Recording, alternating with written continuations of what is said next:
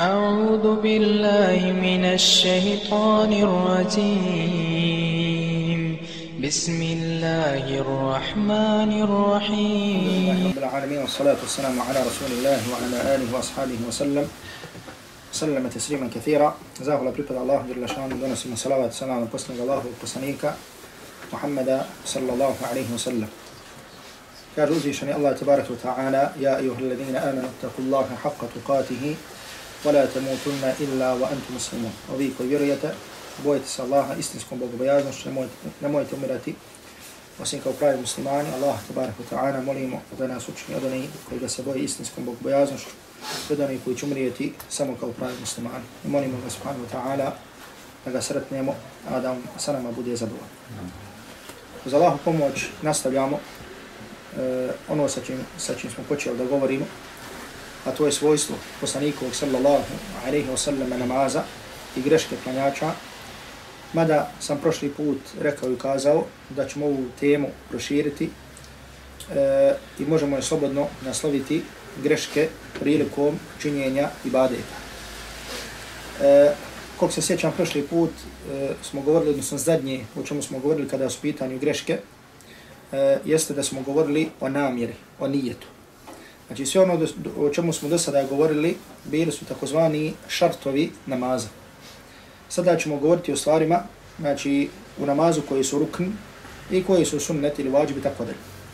I rekao sam, koliko se sjećam, mislim da sam spomenuo, da je razlika između šarta i rukna, znači ovo su termini koji se često spominju kada se govori o namazu, znači i šart i rukn je nešto što je obavezno i bez čega je namaz neispravan. Međutim, šart je nešto što prethodi nečemu, rukn je nešto što je sastavni dio nečega. Pa sam rekao, na primjer, kao što će doći, sada kad budemo govorili o namazu, pa na primjer, da čovjek kaže Allahu Akbar, da čovjek prouči fatihu, da ode na ruku, da ode na seđdu, to stvari obaveza. Ako bi čovjek to ostavio, zbi, taman bilo i zaborava, znači namaz je neispravan. Međutim, to je sastavni dio namaza. I ono što je unutar nečega zove se rukn. Šart je ono što prijethodi nečemu. Kao što je, na primjer, abdest. Čovjek kao što ne može da klanja bez abdesta i ne može Znači isto tako da klanja bez rukua. Znači niti bez jednog, niti bez drugog. Međutim, jedno prethodi nečemu, a jedno je sastavni dio nečemu. Ono što prethodi zove se kako? Šart, ono što je sastavni dio zove se ruk. Dobro. Govorili smo da je od šartova namaza da je, znači, sami, znači, sama namjera. Znači da čovjek, znači, ima namjeru, znači, odnosno da zna koji će namaz klanjati. I zato smo rekli da je izgovaranje, da su islamski učenjaci spomenuli, da je izgovaranje nijeta, znači izgovaranje riječima, jezikom, da je to novotarija. I rekao sam da se ne prenosi niti od jednog, znači niti se prenosi od poslanika sallallahu alaihi wasallam, niti od jednog ashaba, niti od jednog od imama mezheba, da su govorili, kao što je uobičajeno, na primjer u nekim sredinama i kod nekih ljudi da govori na vajit, ono sallije, znači imam namjeru da klanjam to i to i tako da. Znači dovoljno je da čovjek šta? Znači samo kaže, znači dovoljno čovjek da, da čovjek zna u svom srcu šta će, šta? Znači šta će klanjati.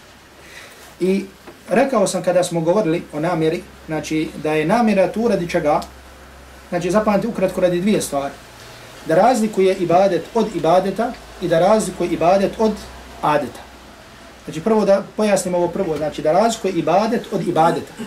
Na primjer, kada čovjek klanja, i taj primjer smo spomenuli, kada čovjek klanja sabah namaz, ima dva rekiata sunneta i dva rekiata farza. Znači kada gledaš sa strane, kada gledaš vanštini, ta dva rekiata su ista, je tako? Znači, ni po čemu se ne razlikuje. Međutim, šta je samo što je razlikuje? Razlikuje je namjera. Znači, ako bi čovjek klanio samo dva rekata sunneta i ostavio fars, na primjer, čovjek bi zato bio kažnjen. Zašto? Zato što je ostavio fars. Međutim, kad bi klanio samo dva rekata farza, znači, spala bi sa njega šta kazna. A ne bi bio kažnjen zato što ostavlja sunne. Znači, to je razlika, znači, to je, znači, tu je pitanje namjere. Da razlikuje ibadet od ibadeta. Isto to možemo znači, proširiti na druge, na druga poglavlja. Na primjer, čovjek obavezan da dadne zekat. Obratite pažnju, kao primjer spominje. Čovjek obavezan da dadne zekat. I na primjer ima veliki nisab i obavezan je da da zekata 500 maraka.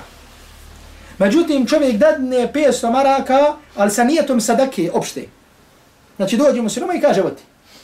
Znači dadnemo sa nijetom sadake. Da dadne 500, 1000, ne znam koliko. Znači nije sa njega spala obaveza zekijata. Zašto? Zato kada daješ zekijat mora da bude ono što dadne sa nijetom zekijata. Treba mogo jasno? Znači mora da bude šta sa nijetom zekijata. Znači čovjek može dati pet puta više, međutim nije dao sa nijetom. Znači šta ćemo reći, moraš ponovo da dadneš. Zašto? Zato što je uslov za davanje, znači da bude sa nijetom, da je to šta? Da je to zekijat. Zato znači po me možete vidjeti primjer, znači e, koja je zadaća, nijeta koja je zadaća, zadaća namjere. Znači nijet, znači rekao sam, znači kod nas se prevodi namjer, međutim, znači izvorno je nijet. Dobro. Također islamski učenjaci, ovo Allah vam dao svako dobro želim da spomenem, jer ovo je jedna veoma bitna stvar. Da je zad, e, namjera također nijeta je da se razlikuju ibadeti od adeta. Kada bi sada napravili generalno jednu podjelu stvari, znači naši postupaka u jednom danu u životu, mogli bi da reknemo imaju postupci naši koji su ibadet, imaju postupci koji su adet. Pa tako, na primjer, kad se čovjek probudi i klanja sabah namaz, to je šta? Ibadet. Zikri je šitarni zikr, to je šta? Ibadet. Odiješ ujutru s nekim da popiješ kafu ili u kući sa svojima popiješ kafu. Doručkuješ, to je šta? Adet. Znači ovo je ibadet, ovo je adet. Odiješ, na primjer, da kažeš s nekim da igraš lopte, to je šta? Adet. Odiješ da prošetaš sa familijom, to je šta? Adet. Dobro. Obratite pažnju na ovo. Islamski učenjaci kada govore o namjeri, od stvari, od najljepših stvari koji sam čuo, koji, što, koji spominje ših Husaymin, rahmetullahi alaihi, jeste da kaže da namjera pretvara prašinu u zlato, a pretvara zlato u prašinu. Znači namjera može da pretvori šta? Prašinu u zlato i da zlato pretvori pa prašinu. Islamski učenjaci kažu da adet, znači ono, adet je ono što radi, što nije bada, što je dozvoljno. Znači ne može u to da uđe nešto što je haram, da Allah tabarak ta'ala sačuva. Čak učinjaci kažu kada bi čovjek učinio, učinio haram i prilikom činjenja harama rekao bismillah, kaže otišao bi kufr, nevjerstvo. Na vodu bila kao što se neki smijavaju, znači na primjer čovjek čini neki haram, kažu kad bi čovjek uzeo alkohol da popije i kaže bismillah, kaže otišao bi kufr, otišao bi na vjerstvo. Zašto? Znači zato što je to ismijavanje. Znači kako ima Allah da činiš nešto ti Allah te wa ta'ala zabrani. Dobro, ovo je samo sam korist rad spomenu. Dobro. Čovjek čini adet sa na, međutim čini ga sa namjerom Allahovog tabarak wa ta'ala zadovoljstva. Učenjaci kažu da taj adet prelazi u ibadet. Da taj adet šta? Prelazi u ibadet. Pa tako, na primjer, čovjek ode na kafu sa nekim sa ciljem bratstva. Brate, pa znači sa ciljem bratstva.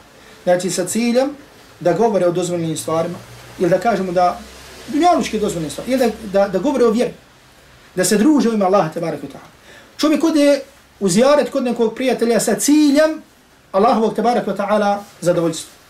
Čovjek bude sa svojom porodicom, sa svojom ženom, sa svojim djecom, na čega? Znači, u smislu da se brine o svojoj porodici, da poziva svoju porodicu na dobro. Znači, ti adeti, učenjaci kažu, ako je urađeno sa takvom namjerom postaju šta? Postaju ibadeti. I čovjek će svaku tu stvar naći kod uzvišenog Allaha tabaraka wa ta'ala kao ibadet, srešće Allaha tabaraka wa ta'ala, a da zato ima nagradu. I kao primjer toga, Allah poslanih sallallahu alaihi wa sallam je spomen, spominjao jedne prilike rekao va fi أَحَدِكُمْ ahadikum. I u polnom odnosu, misli sa svojom ženom, jednog od vas je sadaka. Pa se ashabi kada čuli ovo, znači Allah poslanik alaihi salatu wasalam ovdje pojasnio šta? Ovo pravilo čemu sada govori. Znači da ono što je halal, što je adet, da uradiš sa nijetom Allahovog tebarek wa ta'ala zadovoljstva. Kažu tada ti to postaje ibadet. Pa je poslanik alaihi salatu wasalam ashabima rekao, wa fi buda'i ahadikum sadaka. I u polnom odnosu jednog od vas je sadaka. Znači ima nagrad kao da udjelio sadaku. Pa ashabi se začudili, kaže Allah poslaniče, nekome od nas dođe strast i ispuni svoje strasti i zato biva nagrađen. Pa Allah poslanik alaihi salatu wasalam rekao, kaže, kada bi to učinio na haram način, zar ne bi zato imao nagradu? Zar na to ne bi imao kaznu? Kaže, ashabi da kako? Pa kaže, ako to učini na halal način, zato će imati šta? Nagradu.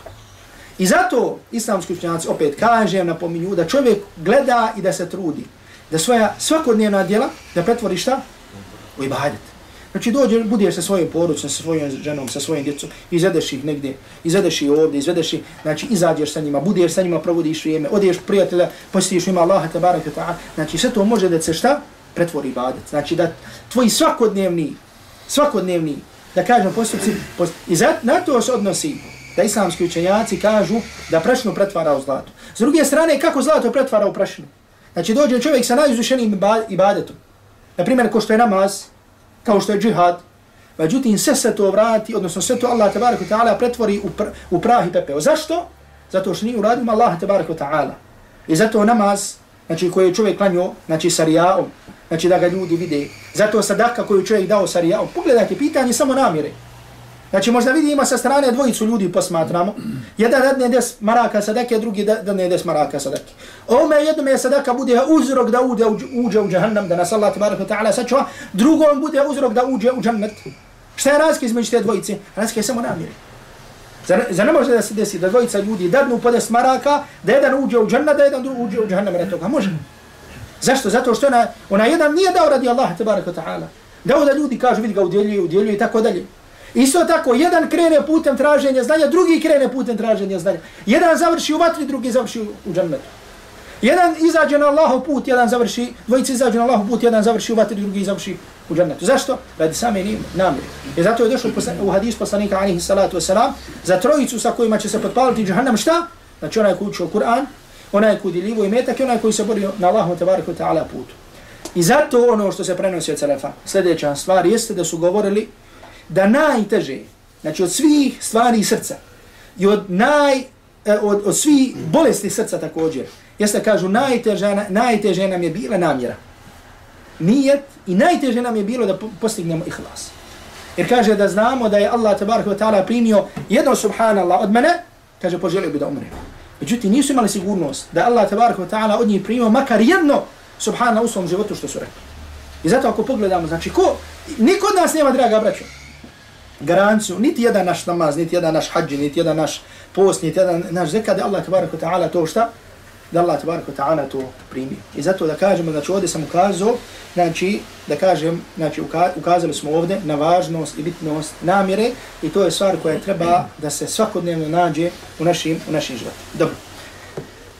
Sljedeći, e, sljedeći ruk namaza, odnosno način sa kojim se počinje namaz i svojstvo namaza, jeste ono sa čim ulazimo u namaz jeste nešto što se zove početni tekbir. Znači nešto što se zove početni tekbir. I to je došlo u hadis koji sam spomenuo, da je osnova kada se govori o namazu poslanika alaihi salatu wasalam, hadithu musifi salatihi, hadis onoga koji nije dobro klanjao, a to je da je poslanik alaihi salatu wasalam vidio čovjeka koji nije dobro klanjao, pa mi je rekao se i klanjaj, nije dobro klanjao, pa opet puta ga je poslanik sallallahu alaihi wasallam vraćao, pa mu je kasni, treći put poslanik sallallahu alaihi wa sallam, odnosno ovaj čovjek rekao, ovaj sam rekao, tako ti onoga koji te poslao s istinom, ja ne znam drugačije. Fa'alimni pa me poduči. Pa je poslanik alaihi salatu wa sallam rekao, kada ti neš da obaviš namaz, znači abdesti se i tako dalje, kaže, onda okreni se prema kibli, fakabir. I kaže, izgovori, takbir. Znači ulazak u namaz biva riječima kojim Allahu ekber. Znači ovo je početni tekbir sa kojim se ulazi u namaz i ovo je ruk namaza. Znači čovjek kako bi se desilo da uđe u namaz, da kažemo, da zaboravi početni tekbir. Kasnije da počne učiti Subhaneke, Auzu, bismilu, fatihu, suru, ode na ruku, ode... Međutim, zaboravio početni tekbir, jer mu namaz ispravan, namaz nije ispravan. Zato što je ovo šta? Rukn. Znači, zato što je ovo šta? Rukn namaza. I ovaj početni tekbir, od, za razliku drugih ruknova, kao što ćemo govoriti, znači, ne može, za njega ne može, taj, tek, taj rukn čovjek ne može da nadoknadi sehvi seđdu. Na primjer, ako mi se desilo kasnije, na primjer da čovjek zaboravi da prouči fatihu na jednom rekiatu. Znači, vraća se ponovo na taj rekiat i posle toga će učiniti sehvi seđda. O tome ću govoriti. Međutim, ako zaboravi početni tekbir, sehvi seđda u tom slučaju ne može čovjeku da koristi. Dobro. Znači, čovjek da kaže Allahu Akbar, sad tim ulazi u namaz i to je šta? Znači, to je rukn koji ne može da spadne, da kažemo ni u kom, ni u kom slučaju. Dobro. Ono što je bitno sad da spomenemo ovdje, znači jeste da kažem da kada se govori Allahu Akbar, znači da čovjek treba da izgovori jasno i razgovjetno. Znači da kaže Allahu Akbar. Znači dosta ljudi u izgovaranju griješi. Primjer, im ljudi ima, kaže Allahu Akbar. Znači kao da rekao umjesto k gajn. Allahu Akbar. Znači ovo može imati značenje, znači e, Akbar mi mogli imati značenje nešto kao da je nešto najprašnjivije, znači da je nešto na čemu je prašno, da Allah tebara wa ta'ala od toga sačuva. Ili čovjek kaže Allahu ekber, znači ovo bi značilo Allahu, je li Allah najveći? Znači uglavnom da sad o tom ne govorim, znači da čovjek jasno i razgovjetno kaže Allahu ekber. Dobro. Kada se izgovara početni takbir, sunnet je, obrate pažnju, znači da izgovoriš Allahu ekber, to je ruka. Međutim, dizanje ruka prilikom početnog tekbira, to je šta? To je sunnet. Znači nije ruka. Znači čovjek kada šta? Znači kada izgovara Allahu Akbar, znači tada je sunnet da se ruke, da se ruke dignu i posle toga se ruke stave jedna preko druge. Dobro. Međutim, sada ovde postoji nekoliko pitanja. I obratite pažnju na ovo zato što se, vidjet ćete koliko se greška, grešaka dešava vezano za ovo. Dobro, kada kažemo da se ruke dižu, ovdje sada postoji dva pitanja. Prvo je kada se ruke dižu. Znači, da li se ruke dižu sa tekbirom, da li se dižu prije tekbira ili se dižu posle tekbira. Uglavnom da vam skratim, sve ove tri mogućnosti ili opcije su dozvoljene. I sve, sve tri ove opcije se prenose od poslanika sallallahu alaihi wa sallam i sve tri ove opcije su došle između ostalog za biljež ima Bukhari u svom sahih. Znači, prenosi se da bi poslanik alaihi salatu wa nekada u isto vrijeme govori Allahu ekber i dizao ruke, nekada bi prvo rekao Allahu ekber pa digao ruke, a nekada bi prvo rekao digao ruke pa rekao Allahu Znači, sve tri mogućnosti šta? Dozvoljeno. Dobro. Sljedeće pitanje jeste dok se ruke dižu i kako se ruke dižu. Ono što je došlo u sunnetu Allahu i Rasula sallallahu alaihi wa sallam jesu dvije stvari. Obratite pažnju. Prvo, znači ono u opis poslanikovog sallallahu alaihi wa sallam namaza, znači oni koji su nam upisali namaz Allahu poslanika alaihi salatu wasalam, su rekli oba dva ova, također da skratim su došli u sahiju imama Buhari, znači jedno je predaj se kaže da bi poslanika alaihi salatu wasalam digao ruke u visini ramena. U drugoj se kaže predaje da bi digao u visinu svoji uši. Znači od odmah da kažem, učenjaci kažu da ovo nije, znači da čovjek gleda u centimetre, ili znači do ramena ili do uši. Nego znači od prilike do ove, znači šta visine, znači ili u pravcu ramena ili do, znači u pravcu, u pravcu ušiju.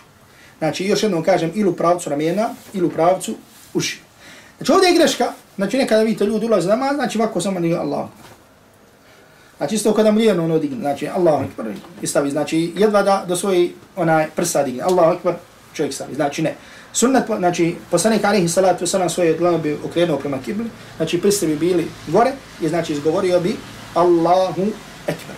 Znači pogrešno je, znači još jednom kažem da se ruke šta, znači ne dignu do ovog položaja, mada je osnovi znači dizanja ruka sunnet, međutim, znači ovako je prenešeno da Allahu poslanik sallallahu alaihi wa sallam čini.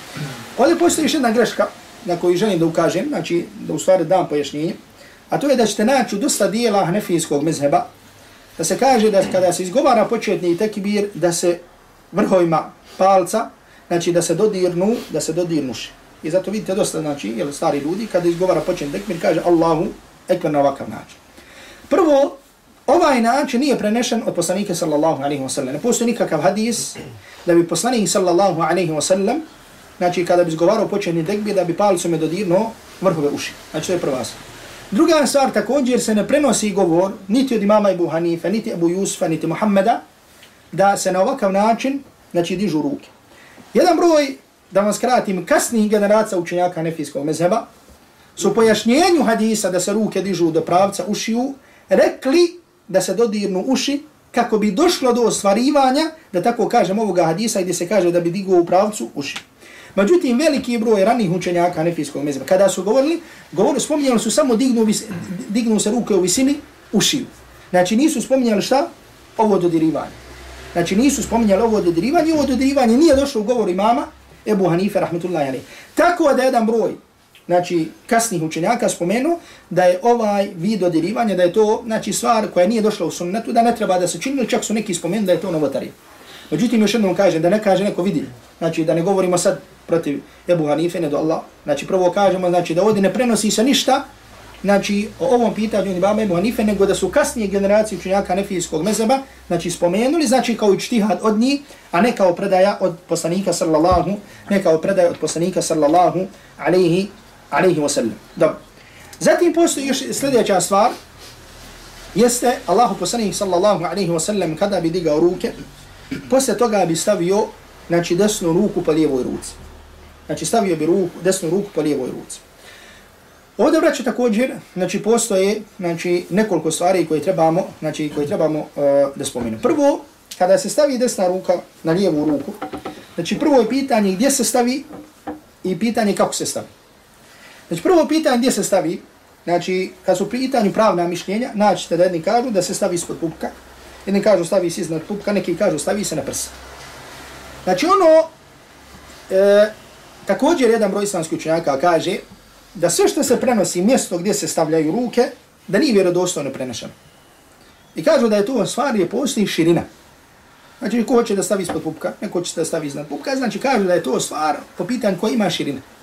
Jer postoje predaje od ashaba i pre... Međutim, kažu da ne postoji vjerodostojan, pod navodnicima da kažemo hadis, da se kaže gdje stavio. Najvjerodostojnije što je prenešeno, znači hadis sahih, je hadis koji je u sahihu Ibn Huzayme, da bi poslanik sallallahu alaihi wa sallam stavio ruka na prsa. Jedni kažu na prsa, to jeste iznad, iznad pupka. Znači da je to najvjerodostojniji. Mada kažu, znači oni koji kažu da se stavi iznad, kažu znači da nije stvar znači koja je tako kategorični prenešena, nego da po pitanju tije stvari postoji, da postoji širina, jer ovaj hadis, znači gdje se kaže da bi stavio na prsa, znači da je to naj, znači vjerodostojni hadis od drugih, od drugih hadisa. Tako kažu da je najbolje, znači da čovjek stavi iznad, da stavi ruke iznad pupka. Dobro. Druga stvar, način stavljanja ruke preko ruke. Jer ovdje se dešava uistinu, istinu, znači da ljudi pogrešno stavljaju. Znači ponekad vidiš ljudi stave ovako, drže ruke. Znači ovo je pogrešno i suprotno sunnetu poslanika sallallahu alaihi wa sallam da čovjek na ovakav način stavi ruke. Znači ono kako je došlo u sunnetu Allahovog poslanika sallallahu alaihi wa sallam jesu sljedeća dva načina. Znači prvo je, znači gdje se kaže da bi poslanik sallallahu alaihi wa sallam, brate pažnju, da bi Allahu poslanika alejhi salatu wa svoju desnu ruku, kaže stavio na svoju iznad lijevog dlana, znači kako se tačno kaže predaj, znači kaže ala, znači stavio bi ala kef al-yusra wa rusghi wa sa'id. Znači sad vam tačno pojašnjam kako je došlo. Kaže da bi poslanik alejhi salatu vesselam svoj desni dlan da bi stavio po vrhu lijevog dlana i po zglobu i po podlaktici. Znači u arapskom jeziku ovo se zove kef. Ovo se zove rusg. Znači zglob. Ovo je sa'id. Znači sa'id u arapskom jeziku ono što je odavde pa do ovdje. Kaže se da bi poslanik alaihi salatu wasalam stavio desni dlan, znači ovako. I to bi znači bilo znači otprilike ovaki znači način stavljanja. Da staviš, staviš desni dlan po lijevom dlanu, međutim ne skroz po lijevom dlanu, nego da ga staviš otprilike na sredinu zgloba i da obuhvati i da uhvati i šta? Znači lijevi dlan i da obuhvati jedan dio čega pod laktice. Znači ovako je tačno kako je došlo u sunnetu poslanika alaihi salatu wasalam da bi poslanik sallallahu alaihi wasallam činio. U drugom rivajetu se kaže وَقَبَضَ بِيَمِينِهِ عَلَى يَسَارِهِ kaže da bi poslanik alejhi salatu vesselam svojom desnom šakom uhvatio lijevu ruku. Znači da bi svojom desnom šakom uhvatio šta? Lijevu ruku. Znači isto ovaki način, međutim samo da uhvati šta? Da uhvati šaku. Je vam jasno ovo? I treći način što spominje jedan broj islamskih učenjaka, a to je, i došlo, došlo u predajama, da bi stavio desni dlan po lijevoj podlaktici. Znači, od prilike ovako. Znači, od prilike šta? Ovako.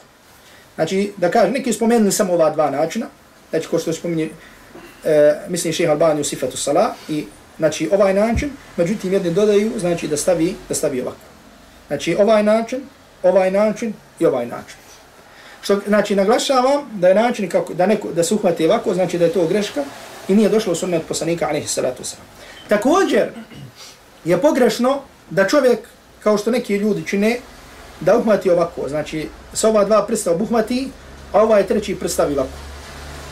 Znači, brate, pa znači, obuhvati ovako i ovako stavi. Kažu, zašto se došlo? Ovo je čtihad. Jednog broja kasnijih učenjaka kažu, na ovaj način dolazi do spoja između onog revajata gdje se kaže da, su, da se stavi vaku i gdje kaže da se uhvati vaku. Pa su on tijeli da spoje ta dva revajata, pa kaže uhvatiš vaku i ovo držiš vaku. Jel me razumijete? Međutim, ispravno je, znači da su ovo dva zasebna načina gdje su došla kako bi poslanik sallallahu alaihi wa sallam stavljao šta? Ka kako bi stavljao ruku šta? Na ruku. Kako bi stavljao ruku na ruku. Dodma ti pajuću tako da ja sad treba i da kažem dobro, nije dobro. Jel u redu? Dobro. Jel ovi dole imaju kameru, vidi oni šta ja radim? Ne vidi, alhamdulillah.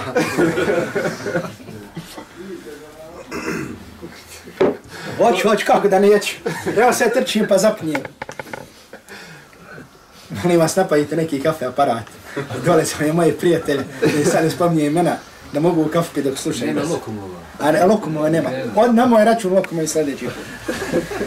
Dobro, znači, jesu ove stvari, Allah vas sam gradio, mislim da je ovo jasno. Znači, pogledajte ovdje, još jednom želim da ukažem, znači ovdje kada spominjemo ovo, Subhano, ovdje vidimo koliko je, koliko su ashabi. Naravno, ovo Znači ovo uh, nije, Boži, nije Allahu poslanik sallallahu sallam rekao, znači ovaj način stavljanja.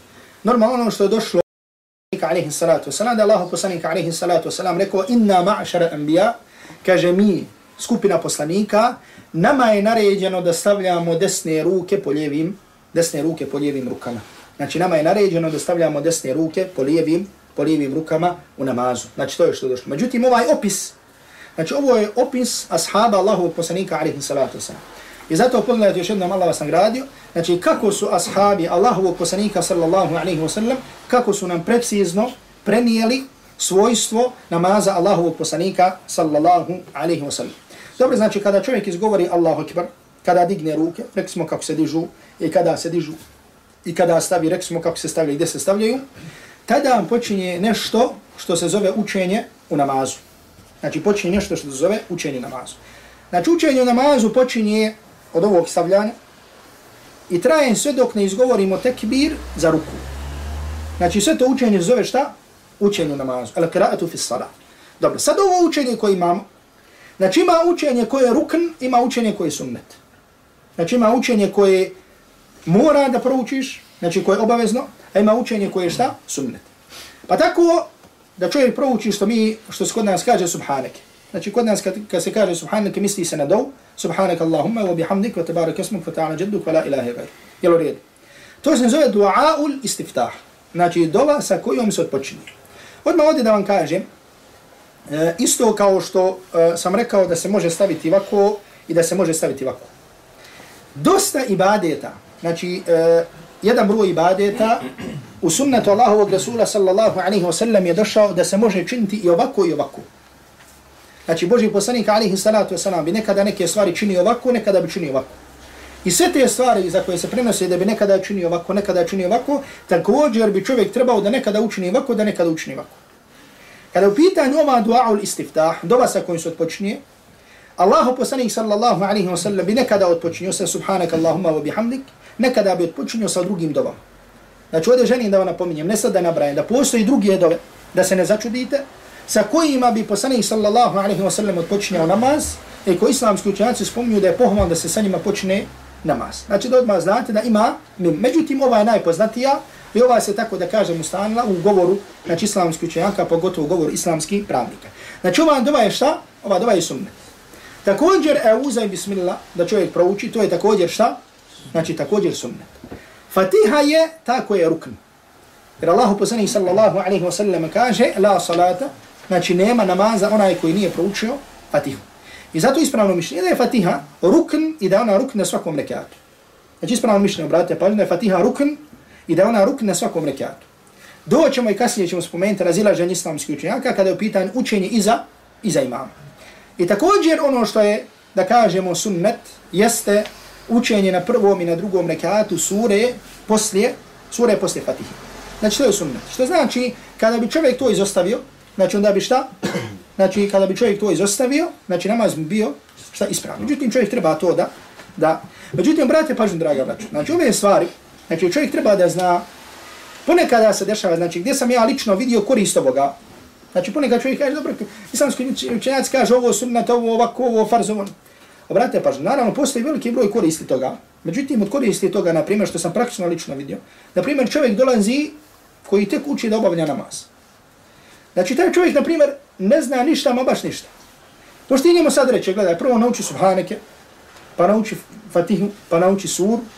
Znači, čovjek da, na primjer, nauči subhaneke, znači, može pola fatihe naučiti. Da nauči još neku suru, da kažemo, znači, ljudi možda se nađu tim, da sporije uči. Znači, čovjeku kaže da proučiš samo fatihu namaz ispravo. Naravno, čovjek ne treba, ako, znači, čovjek ne treba da, da ograniči svoj namaz, i inače svoje bate samo na ono što je obavezno. Znači treba da dođe sa puno višim od toga. Međutim, ponekada se može desiti da dođe neko ko želi da šta, znači da mu kaže što ti obaveza. Mimo toga to ti sunnet. I naravno čovjek će posle toga sam da druge stvari nauči. Znači ovo je kako bitna stvar. Pogotovo da ne kažem, znači, što dosta puta sam čuo, kaže, čovjek kad sam počeo klan, kaže dok sam one nije te naučio, ne vejte onu sali ovo, ne vejte onu sali ovo, dok sam naučio da uzmem abdes, ne vejte da, da se abdesni, pa kaže abdeske dove, kaže, znači čovjek zamalo da je ostavio, znači da uči uopšte, da uči čovjek uopšte o, o namazu. Ovdje želim da skrenem pažnju, e, Allah vam dao svako dobro, kada je u pitanju učenja o namazu. Draga braćo, e, namaz kao namaz, znači namaz kao najbolji ibadet. Jer ono što je došlo u sunnetu Allahu poslanika alaihi salatu wasalam jeste da je najbolji ibadet i ono što je najbolje i da je najbolje djelo jeste namaz. Znači namaz kao namaz Allahovi robovi neće dati ploda ukoliko to ne bude namaz koji je onako kako je došlo u Kur'anu i sunnetu. Znači, ako neko kaže, dobro, koji je to namaz koji odrača od loših dijela? Jer Allah subhanahu wa ta'ala kaže, inna salate tanha anil fahša i munkar, da namaz odrača od ružnih loših dijela. Ako čovjek kaže, koji je to namaz? To je namaz koji se, mogli bi reći pod navodnicima, obavlja. Znači, ne samo namaz koji se klanja, nego koji se obavlja i uspostavlja. Zato uzvišeni Allah tabaraka wa ta'ala, kada govori o, o, o osobinama bogobojazni, kaže, yuqimuna salat, koji uspostavljaju i obavljaju namaz. Znači ne kaže se samo učenjaci tafsira kažu, ko što spominje i sad, ne kaže samo klanjaju, nego uspostavljaju namaz. To jeste koji dođu sa ruknovima namaza i vađibima namaza. A od toga je svjesnost, iskrušenost i poniznost u namazu. A to se ne može postići. Allah dao svako dobro. Između ostalog, osim da čovjek ne zna od prilike značenje onoga što uči u namazu. I zato ovdje skrećem pažnju na dvije stvari. Na važnost toga Znači da čovjek ulaže trud i ulaže vrijeme da nauči ispravno što je moguće više da uči Allahu tebarek wa ta'ala knjigu. I druga stvar, da uloži trud i da uloži napor da razumije ono što uči. Ja ne kažem sad ovdje kada govori on ispravno uči, da, da neko ne, pogrešno ne razumije. Znači ne misli se sad ovdje čovjek zna učiti Fatihu ko što uči Husari, ko što uči Menšavi. Ni da sad razumiješ Fatihu ko što su mu Fesir o tome pisali. Ne. Da znaš znači Znači, koliko toliko ispravno učiti, prva sa, druga sa, da znaš o čemu govori ta fatiha. Jer zamisli stanje svog namaza kad obavljaš namaz i kažeš Allahu akbar, alhamdulillahi rabbil alamin, rahman, rahim, alikim. Proučiš, vala ni sam nisam, proučiš zato to samo što ti jezik ide tako. I druga stvar, kada znaš od prilike o čemu govori ta Fatiha, Da je u prvom majetu hvaljenja Allaha, gospodara svjetova, da je rahman, rahim, da je to milostivi, samilosni, da je maliki umidin, vladar sudnje i dana, i ja na'budu obraćanje, samo tebe obožavamo, samo tebe pomoć tražimo, uputi nas na pravi put. Znači, vi znate, ovdje smo govorili, na se čini nekoliko predavanja o značenju Fatihi. Da čovjek zna te osnovne pouke i poruke ove kuranske sure. Ako ništa, da čovjek bude svjestan da je to na jedan način razgovor sa uzvišenim Allahom tabarika ta'ala. Znači, hadis Allahu i robi došao u Buhari, da čovjek kada kaže alhamdulillahi rabbil alamin, ja i ti kad kažemo namazu alhamdulillahi rabbil alamin, Allah tebarek wa ta'ala ti odgovara, hvali me moj rob. Ar-Rahman ar-Rahim, veliča me moj rob. Znači Allah tebarek wa ta'ala ti se obraća, mađadani abdi, etna aliji abdi, moj rob. Znači pogledaj, Allah tebarek wa ta'ala tebe prepisuje sebi i kaže abdi, moj rob. Hvali me moj rob, veliča me moj rob, pohvalio me moj rob. I to male stvari. Znači neko tamo da te pohvali u gradu, da kaže to je moj čovjek, ili to je moj prijatelj, to je moja raja, čovjek se osjeti o neko i nešto. Međutim, zamisli Allah te barako ta'ala te pripisuje sebi u fatih. Veliča me moj rob. Znači nisu male stvari. Kad čovjek kaže, ma, i, i ja ke nabudu, i ja Allah te barako ta'ala kaže šta? Ovo je meni. A mom robu pripada ono što, što poslije toga pita. Šta je to? Ihdina sirata mustaqim. Tako mi Allah da je samo draga, braću, naša svijest, kad, kada stanemo na namaz ovoga odgovaranje od strane Allaha tabaraka ta'ala, drugačije bi nam namazi bili. To je jedna stvar. Druga stvar da je naša svijest da u toj fatihi na svakom rekatu, na svakom rekatu, ne na svakom drugom, ne, na svakom rekatu tražiš od Allaha tabaraka ta'ala da te uputi na taj pravi put. Kaže nam na taj, da čovjek, da čovjek kaže koji je to više pravi put, ako na svakom rekatu molim Allaha tabaraka ta'ala da me uputi na pravi put. Ko što smo više puta rekli, pa dobro, ako me put za nisam sad na pravom putu. Draga braćo, to da si na pravom putu, to nije, to nije tako jednostavna stvar. I zato dolazi nas sa komunikatu da moliš od Allaha te barakuta. Jer ko što smo rekli, to podrazumijeva da budeš na pravom putu. To podrazumijeva da razumiješ pravi put. I što najbitnije, to podrazumijeva da umreš na tom pravom putu. A ko, kome od nas ima opet, kažem, garancija da će umrijeti na tom pravom putu? Nema nikome. Nema nikome garancija da će, da će umrijeti na tom pravom putu. I zato toliko, da kažemo, zato toliko i toliko i toliko u jednom danu da čovjek kaže i ide na saratem ustavu. Mimo toga što je došlo, mimo toga što je došlo, draga braćo, u sunnetu Allahu poslanika alaihi salatu salam, da je doba koju je najviše učio Allahu Rasul sallallahu alaihi wasallam bila koja, od ti koju okrećeš srca, okreni moje srce na pravi put. Da subhana, to je ono što je najveći strah kod jednog vjernika. Da će ostati bez upute. I zato da kažem, i ova stvar, da smo svjesni te stvari, nam, namaz bi nam drugačije izgleda. Razmišljanje u toku dana bi nam drugačije bilo. I zato ovdje mora da se nadovežem i kažem, draga braću, koliko je potrebno ulaganje truda, ulaganje napora, znači, i da naučimo koliko toliko Allahu te barako ta'ala knjigu i da šta? I da je razumijemo, znači koliko možemo. I zato čovjek mora da prevaziđe, da prevaziđe taj strah. I zato ovdje, e, dotaknut se samo, a bio sam rekao nekoj brać, pa ljudi su mi, braće smisla da će biti tema predavanje hrabrost. Ne, ovdje želim da se spomenu. Znači, šta je hrabrost? Znači, pogledajte, da razumijemo taj pojam na ispravan način. Ljudi danas većinom, znači, misle da je hrabrost, nekada kažemo snaga, znači čovjekova snaga fizička ili mišići i tako dalje. To nije snaga Allahu rebo. To je jedan vid snagi. Znači da ovdje me niko ne pogrešno razumije. I ako spomene mršavanje, ako spomene moje smišićima. Znači snaga je da čovjek određeni strah prevaziđe. Da prevaziđeš određeni strah. I zato ponekad u ratu ljudi kažu, taj taj čovjek kaže, nema 50 kila u njemu. Kaže, bio taki i taki u ratu. Znači, hrabrost je da određeni strah prevaziđeš. I dosta, i veliki broj strahova u čovjekovom životu su strahovi koji nisu stvarni. Znači nešto što je nestvarno. Znači čovjek umisli u svojoj glavi, a ja ću to drugačije, drugačije nazvati, da je to strah, međutim to nije strah. Allah Đelešanu nam spominje u Kur'anu da šeitan plaši, plaši robove. Innama dhalikum šeitanu i havuifu awliya. To je šeitan koji straši svoje štićenike. Allah tabarak wa ta'ala kaže, šeitanu ja'idukum ul faqra. Šeitan nas plaši sa čim? Sa siromaštvom. I zato ponekad određena stvari čovjeku šta? Strah tu stvari nije nešto za što čovjek treba da strahuje. Pa navode primjer, kažu, da neko pogrešno ne razumije, kaže konja, kaže ponekad čovjek samo ovako stavi sveže za gramu, kaže neđe nigdje maknuti. Zašto? Zato što je misli da je svezan gotovo, da ne može to da, znači da pukne. Međutim, svezan samo za grančicu. Ponekad neke stvari su uopšte nisi desno, međutim, ljudi imaju strah. I spominjao sam vam primjer ovdje, ako se sjećate primjer s onim majmunima. Znači, Kažu, spomenut ću opet za one koji nisu čuli, jer primjer u istinu dosta poučan. Kažu da su jedan kafez do, e, stavili nekoliko majmuna.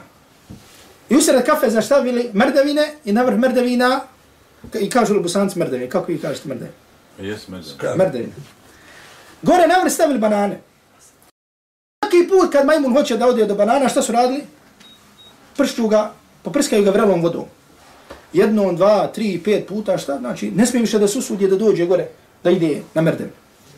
Međutim, sad su odlučili da jednog izbace, da drugog ubaci.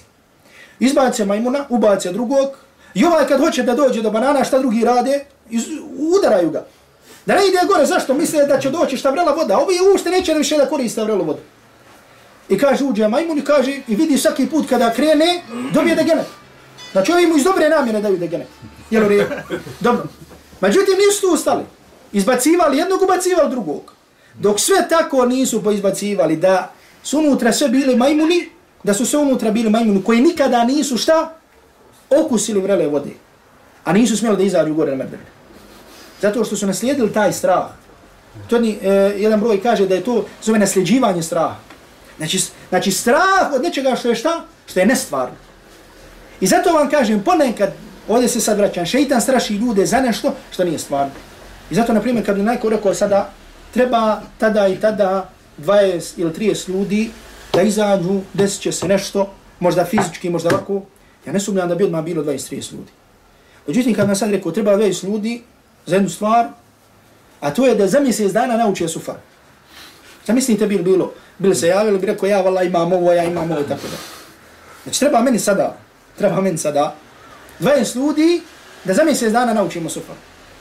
Ima li hrabri ljudi da se prijave na to? Treba mi 20 ljudi da za tri mjeseca naučam međuz.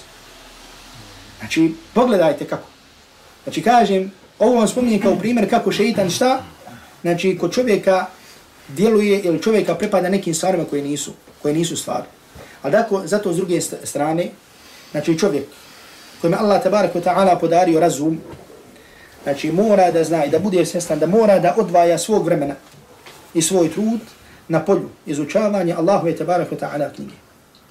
Jer sad možemo svi ovdje postaviti pitanje, znači koliko se, znači jedno jednostavno pitanje, koliko se Kur'an uči, na, uči u našim kućama. Koliko Koliko naša djeca vide svakodnevnu pojavu u našoj kući, da vide babu sa mushafom, da vide majku sa mushafom. Znači, kaže Nabi Zinad, jedan iz generacije tabina, kaže, izašao bi u sahar, to je prije sabaha. Kaže, izašao bi prije sabaha, u vremenu sahar, bi, kaže, iz, izlazio i kaže, išao bi do poslanikove sallallahu alaihi wa sallam džamije. I kaže, u tom vremenu, kaže, ne bi prošao pored kuće, a da se iz nje nije čuo učač Kur'ana koji uči Allahu tabarak wa ta'ala knjigu. Znači, u vremenu prije sabaha. A kako je tek bilo u ostatku, u, dru, u, u, u drugom dijelu dana? Znači, bila je, hoću ovdje da kažem, bila je svakodnevna pojava učenja čega? Allahu i tabarak wa ta'ala knjigu. I zato Allahu i robovi, pod opet kažem, ponavljam, nešto što često ponavljam, to moram ponavljati. Ako nas Allahu i tabarak ta'ala knjiga ne odgoji, šta je to što će nas odgojiti? Ako naše živote i živote drugih muslimana ne promijeni Kur'an, šta će promijeniti? Ne može. Znači ne može promijeniti sila. Ne može promijeniti ovo. Ne može promijeniti ni partija. Ni stranka. Ne može to promijeniti duše ljudi. Jedino što mijenja ljude i njihove duše i njihovu čud je se strah od Allaha tabaraka ta'ala. I zato pogledajte danas, na veliku žalost, ovdje ne govorimo o politici. kogod je na vlasti, kada nekome, da kažemo, od sitne raje treba nešto, to obično dolazi pitanje, znaš li koga imaš li koga. Znači imaš li štelu. Znaš li koga imaš? Znaš li koga za ovo, znaš li koga ovdje, znaš li koga ovdje, znaš li koga ovdje, znaš. Znači svugdje ti treba neko. Znači od doktora do ovoga, do onoga treba ti šta? Treba ti neko. Da ne govorim o tome, znači koliko ljudi čine nedozvoljene stvari, uzima i metak i tako da. Međutim, ljudi, jedan primjer koji sam naišao, kad sam čitao, znači da je spomenut u nekoj knjizi. Ja u taj primjer ne bi vjerovao. Međutim, spomenut je u Siđilu Kadije. U Siđilu Blagajskog Kadije. Ne znam da li sam vam taj primjer spomenuo. U Siđilu Blagajskog Kadije, znači Siđilu su šta dokumenti. Znači, kada dođe kod Kadije neko, znači neko se vjenča, zapiše se taj taj se vjenčo. Tada i tada svjedoci bili ti i ti. Taj i taj kupio komad zemlje tu i tu, posvjedočio taj i taj za tolike i tolike pare, ili razumijete? Kaže se u jednom, znači, ne znam koje godine tačno, Siđilu Blagajskog Kadije kaže, kada je napravljena džamija u Blagaju, na Carava džamija, znači zove se Carava džamija, kaže, oni koji su gradili džamiju, su, kaže, poslali pismo, car, poslali pismo sultanu, kaže, pitaju ga šta da urade sa čivijama, kamenom i krećom i drugim stvarima koje je ostalo od gradnje džamije. Znači, šta da urade sa tim? Znači, ono što je ostalo od čivija da saka, znači, šta je ovdje pojenta? Nisu uzeli sebi nego ono što je ostalo šalju u sultanu da ga pitaju šta da urade sa tim deskama i čivijama. Znači pogledajte strah od Allaha. Opet kažem, ovo je dokument. Ovo je nešto što je vezano za ove prostore. Znači danas, znači šta bi na jednom džami bilo ili na jednom objektu, šta bi bilo ko će na tenderu, šta bi bilo ovo, šta bi bilo pra, pranja para, Allah dragi zna. Međutim, ljudi s ovih prostora šalju sultanu, je bogati, šta će mu raditi s onim što je ostalo čivija, od ljudi imali strah od Allaha. Nada onaj meta koji uzme na neispravan način, da će, znači gorit će na njemu. Da Allah tabarak wa ta'ala saču. Allahu kusanik alaihi salatu wasalam kaže sako meso, kullu lahmin, nebete min haramin. Sako meso koje nikne. Znači misli se ovdje da čovjek ne uzma u svoja usta haram. Sako meso koje nikne od harama, en naru aula bihi. Najpreća me džahannamska vatra. I zato musliman svaki dinar, fening, je li došao od kamete, je li došao od ovoga, je li došao od kocke, je li došao od ovoga, je li došao od Znači boji se da unese u svoje zašto? Da ne bi to, da ne bi to od Allah tebareku ta'ala, da to njegovo meso i ta njegovo, da to ne bi gorilo u džahannamu, da nas Allah tebareku ta'ala od toga sačuva. I zato još jednom ponavljam. Znači svako meso koje nikne, da se tako izrazi, na haram, a nar aula bihi, najprećamo je džahannamska vatra. Taj hadis je uzrokovo tako uzrah kod ljudi. Ne treba njemu bola gleda ga šef, gleda li ga ovaj, gleda li ga poslovođa, gleda li ga ne znam ko, bolan zna da gleda gospodar nebesa i zemlje. I jednu čiviju nije, nije smio da uzme, da ne kažem nešto više od toga. Hoću da kažem, to što je tada, što sta, tada ti ljudi to imali, i danas mogu da imaju, ali samo kada, kada se vrata Allahu i tabarak ta'ala knjizi, sunnatu Allahovog Rasula sallallahu alaihi wa sallam, i kada na takav način budu živili, kada budu znali koliko god se nalaze u tmini, koliko god se nalaze među četiri zida, ima onaj koji vidi. A to je gospodar nebesa i zemlje. Ima onaj koji je sadok nad njima a to je gospodar nebesa i zemlje. Ne treba bola muslimanu kad radi nikakav šef, nikakav poslovođa, nikakav ovaj da ga nadgleda. Opet kažem, onome koji se boji Allaha te ta'ala, zato što ne gleda, njega nagleda gospodar nebesa i zemlje. Musliman se boji, jer ovdje sada o tome ne govorimo, a draga braćo, posljedice haram i metka. Znači, pos, po pitanju potomstva, porodice, beričeta i metka, ovog onog, znači to je, to, to da gledam, grozna posljedica. Grozna posljedica. Jedan od uzroka neprimanja dove Allahu poslanika alaihi salatu wasalam ispomenuo šta? Znači čovjek, znači koji ne vodi računa, pa je Boži poslanik alaihi salatu spomenuo čovjeka, kaže, la yustajabu džabu lehu, ne odaziva se njegovoj dobi. Pa kaže, poslanik, evo, ena yustajabu lehu. Kako će mu se, kaže, odazvati? Kako će mu se odazvati? Kaže, kaže, njegova odjeća haram, i ono što jede haram, i ono što pije haram, se haram. Fa ena yustajabu lehu. Pa kako da se odazove na njegovoj dobi? Ne može se takvim dobama odazvati. Ne može se onaj koji jede tuđi metak nadati gajda pobije. Može određeno momentu da mu bude nešto, ali ishod takvima je propast za Allah tabarak wa ta'ala od toga. To je propast i za pojedinca, i za kuću, i za familiju, i za društvo, i za državu, i za ne znam šta. Kogod krene tim putem, zuluma, Allah tabarak wa ta'ala to ne ostavlja. Znači zulum Allah tabarak wa ta'ala nikako neće ostaviti. I zato Allahovi robovi, znači ova stvar, znači svakodnevni život sa Allahom tabarak, to je jedina stvar koja može promijeniti naše živote. Allah tabaraka ta'ala moli da nas smiluje, da nam oprosti, da učini da Kur'an bude na život, da bude naš prijatelj i da popravi naše stanje u javnosti i u tajnosti. Wa sallallahu ala Muhammedin wa ali wa sahbihi wa sallam wa sallam wa taslimu.